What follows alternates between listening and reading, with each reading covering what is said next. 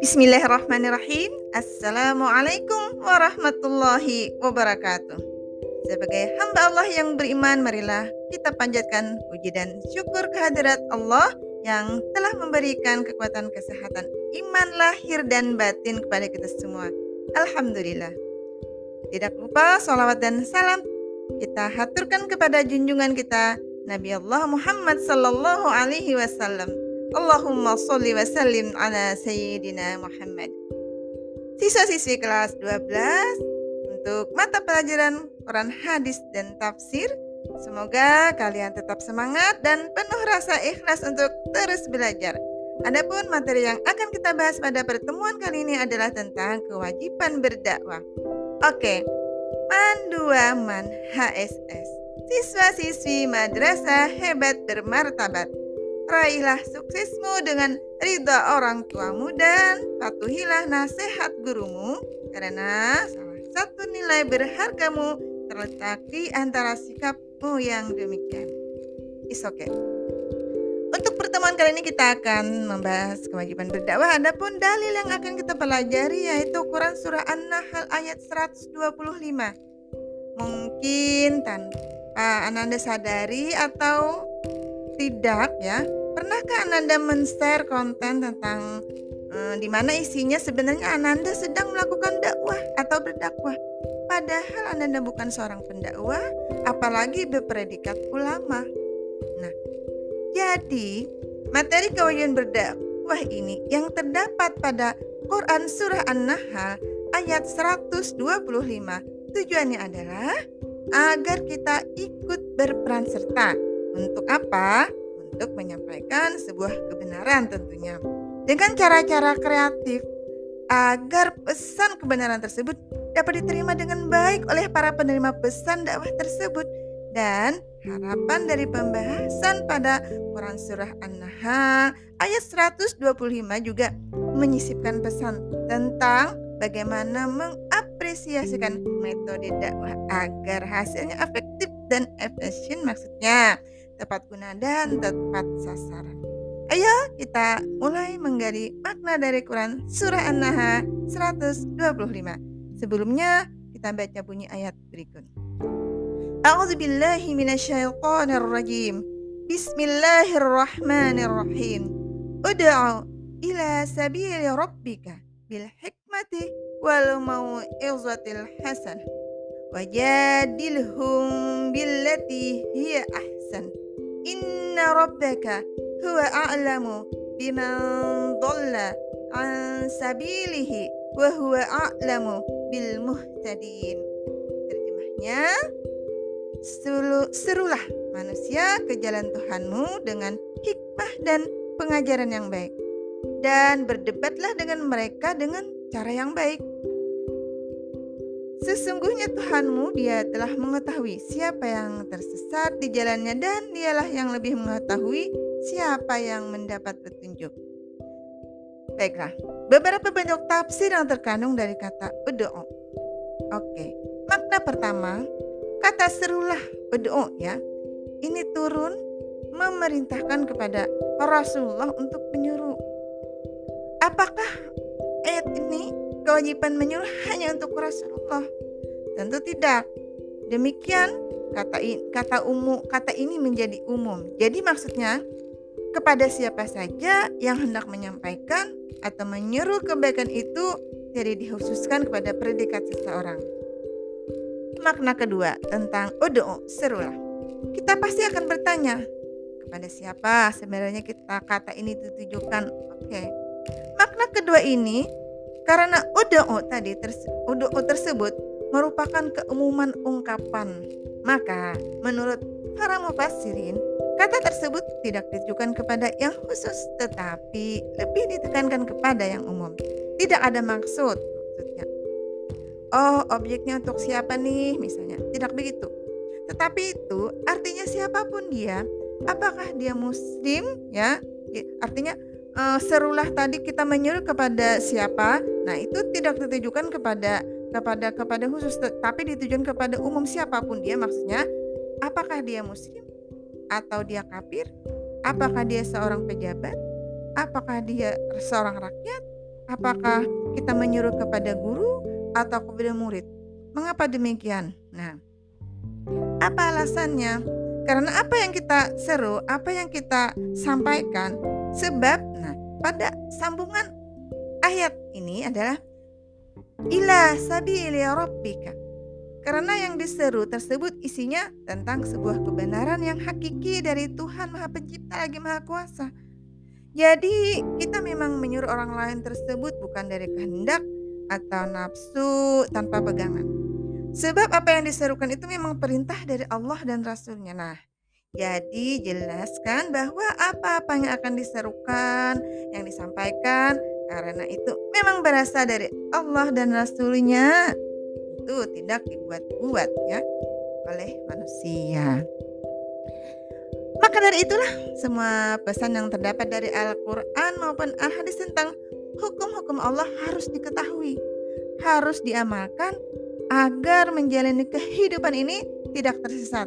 Nah, karena ila sabili rabbika ya, menuju kepada jalan Tuhanmu. Jadi apa yang kita serukan itulah adalah memang perintah dari Allah, bukan hasil rekayasa manusia. Jadi doa tadi ditujukan kepada siapa pun dia ya. Dan orang yang menyuruh tadi tidak harus berpredikat, harus ulama. Tapi apa yang kita ketahui tentang ilmu dari Allah maka itu sampaikan. Nah, itu maksudnya. Oke. Ila sabili rabbika. Karena ila sabili rabbika merupakan jalan kebenaran sebagai pedoman menuju keridhaan Allah agar terhindar dari kemurkaannya dan jalan kebenaran tersebut sudah diinformasikan dengan lengkap dan rinci dalam Al-Qur'an.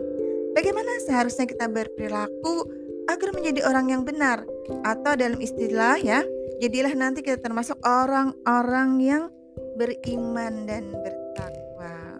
Oke, mandua man HSE siswa siswi madrasah hebat bermartabat. Kita lanjut ya.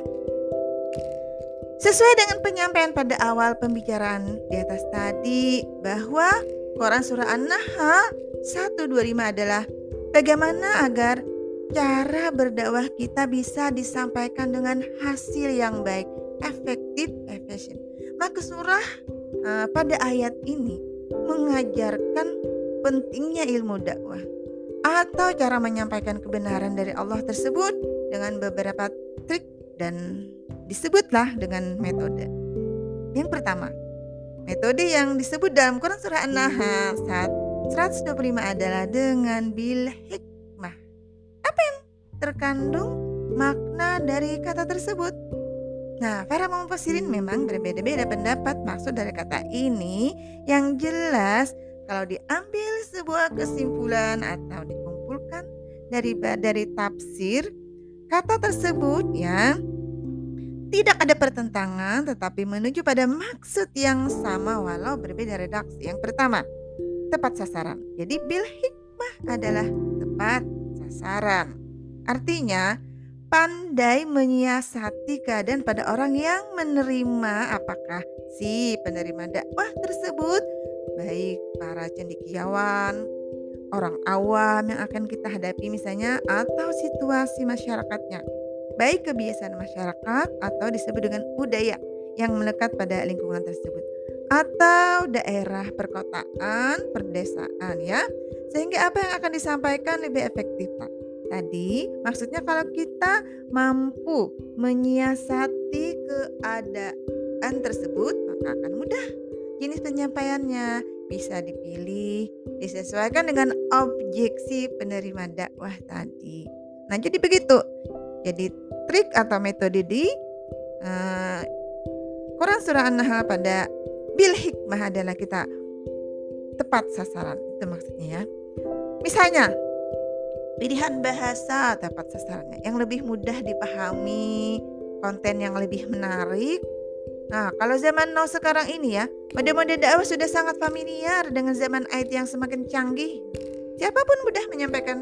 Nah, misalnya banyak sudah Para ulama pandai menyiasati keadaan untuk menyampaikan dakwah dengan menggunakan IT misalnya. Dengan aplikasi berbagai macam bentuk media seperti TikTok, Instagram, Facebook, YouTube dan lain-lain. Nah, itu digunakan untuk berdakwah. Alhamdulillah, Masya Allah dipermudah Allah Ta'ala ya. Jadi akses dakwah sudah sangat mudah sehingga masyarakatnya juga lebih mudah mendapatkan nasihat-nasihat agama dengan memanfaatkan media-media tersebut atau bisa juga Anda pandai mengarang puisi, lagu yang bernuansa nasihat agama atau kata-kata motivasi ya. Oke. Adapun bil hikmah bukan hanya sebagai tepat sasaran tetapi juga maksud hikmah dari para mufasir adalah menyampaikan kebenaran hendaknya disisipi dengan dalil-dalil atau ilmu ya. Tujuannya apa? Semakin memberi keyakinan akan akan kebenaran yang disampaikan. Misalnya, tema tentang berbakti pada orang tua. Maka disampaikanlah dalil tentang etika kepada orang tua dalam pandangan Al-Qur'an yang salah satunya Quran surah Al-Isra ayat 23. Itu kan kalau kita tahu bahwa di surah Quran surah Al-Isra itu adalah Al-Quran mengajarkan etika kepada orang tua untuk berkata ah saja sudah termasuk durhaka. Nah itu kan jelas dalilnya yang telah diberitahu oleh Al-Quran tentang bagaimana etika berbakti kepada orang tua itu. Maksud salah satu dengan metode bil hikmah. Yang kedua, Metode kedua adalah wal mau'izatil hasanah, yaitu pelajaran yang baik. Oke, pelajaran yang baik dari merupakan salah satu metode dakwah yang diajarkan Allah dalam Quran surah An-Nahl ayat 105. Lalu, apa maksud dari makna ini? Beberapa tafsir ya mengemukakan kalimat ini adalah nasihat atau uraian yang bisa menyentuh hati, yang mengantar kepada kebaikan. Nah, yaitu Rasulullah ya menyampaikan dakwah beliau tidak melulu berhubungan dengan hukum-hukum saja, tetapi disisipi oleh Rasulullah dengan cerita-cerita hal-hal yang menggembirakan. Nah, misalnya kebahagiaan indahnya surga dan tidak hanya tentang sebuah kegembiraan, Rasulullah juga menyisipkan cerita-cerita yang menakutkan kan yaitu tentang keganasan api neraka. Ya, hmm, salah paham, salah paham ya, ya, ya, jangan salah paham ya. Bukan berarti Rasulullah berdakwah untuk menakut-nakuti, tidak. Tetapi berita-berita peringatan atau ancaman juga perlu ya saat kondisi yang memungkinkan. Nah, kalau era di zaman hmm, era di zaman no ya, hmm, banyak sekali metode ini disampaikan ya. Misalnya, ada film-film agamis yang penuh inspiratif. Film-film itu ada sisipan pesan-pesan moral yang patut dijadikan petunjuk untuk mendapatkan kebenaran. Ayo, kira-kira apa ya? Nah, kalau menurut ibu sih ya, jadi misalnya film itu Cahaya di Langit Eropa. Kalau anda, pernah men, menyak, apa, menonton film ini, anda akan paham maksud pesan agamis yang ada di dalam uh, judul ini atau dalam mihrab cinta misalnya. Dan terus negeri lima menara. Ayo yang belum menonton bisa cari ya. Mudah-mudahan anda nanti uh, tergugah hatinya dengan melihat film ini sehingga anda bisa berperilaku sesuai pesan yang ada pada film ini. Ya ya yang suka film-film ya silahkan saksikan ya. Karena film tersebut bernuansa Islami yang penuh Ya banyak sekali pesan moral yang memang sesuai dengan kebenaran yang datangnya dari Allah dari bentuk dakwah dari metode ini. Ya. Metode ini juga penting bagi kita semua saat kita ingin memberi nasihat pada orang lain. Mau izatil hasanah ya. Yakni kita bisa bercerita hal-hal yang buruk di masa lalu ya untuk tidak perlu ditiru. Jadi yang namanya mau izah pelajaran pengertian hasanah bukan berarti hal-hal yang baik-baik saja diberitakan tapi hal-hal yang buruk juga perlu diberitakan untuk menjadikan pelajaran untuk tidak ditiru itu maksudnya ya. Baiklah metode ketiga wajadilhum billati hiya ahsan. Wajadilhum yaitu berdebat dengan cara yang baik. Apa maksud metode ketiga ini? Yaitu diskusi. Maksud dari diskusi ini tujuannya bukan niat untuk mencari kemenangan atau ingin mengalahkan lawan tidak. Ingin melakukan isu oh tidak, tetapi lebih kepada alasan-alasan kuat atas sebuah pemikiran atau pendapat yang akan didiskusikan dengan memiliki ulasan-ulasan yang meyakinkan dengan kebenaran yang disampaikan sehingga akan mematahkan pendapat lawan diskusi. Maksudnya, lawan diskusi tidak lama bertahan atas ulasan-ulasan yang kita kemukakan. Hanya itu saja tujuan dari metode ini. Apabila apa yang dipaparkan bisa diterima oleh orang banyak atau bisa jadi diterima oleh lawan bicara. Nah di situlah istilah inti dari bentuk dakwah dari wajah dilhun ini ya. Jadi hasil dari diskusi atau debat metode dakwah yang menggugah cara berpikir tajam sebuah fakta yang tidak bisa disangkal oleh akal sehat. Kalau Anda mau contoh yang lebih hmm, yang lebih jelas ya, nanti Anda bisa cari ya eh, metode wajah dilhun ini tentang seorang dokter Zakir Naik kenal kan Dr. Zakir Naik. Nah, beliau itu sangat terkenal bahkan di dunia internasional tentang cara debat dakwah beliau tentang ketuhanan dengan dalam diskusi dari berbagai agama. Nah, nanti silakan supaya Anda lebih paham tentang metode ini, silakan buka di YouTube tentang seorang dokter Zakir yang berdebat ya. Silakan nanti ya. Billatihi ahsan wajadilhum billatihi ahsan billatihi ahsan apa maksud dari kalimat ini? Artinya, cara debat tersebut tidak ada kalimat-kalimat yang menghina atau merendahkan bahkan debat ini tidak ada menimbulkan kebencian. Namun setelah selesai diskusi, diskusi tidak ada permusuhan. Oke. Man 2 Man HSE siswa siswi madrasah hebat bermartabat. Terus setelah diskusi ya, tidak ada permusuhan, maka semua berakhir dengan damai. Tinggal masing-masing saja mengambil pelajaran dari debat tersebut. Memberi bantahan yang baik dan halus tanpa harus menyakiti itulah yang dimaksud billati hiya ahsan, lebih baik. Serta dengan argumen yang benar terhadap sasaran dakwah yang menentang dakwah Ya, kalau istilah dalam pembelajaran kita, misalnya bisa kita bayangkan ya diskusi dalam memecahkan permasalahan yang di mana sistem diskusi ini kan ada norma atau etika agar saling menghormati, menghargai, tidak arogan, yang memberikan syarat seolah-olah menampakkan rasa tidak suka dan akhirnya mengeluarkan kata-kata tidak senonoh itu tidak dimaksud dari bildatihi ahsan. Jadi kata ahsan lebih kepada sikap lemah lembut dengan menyampaikan kata-kata yang baik.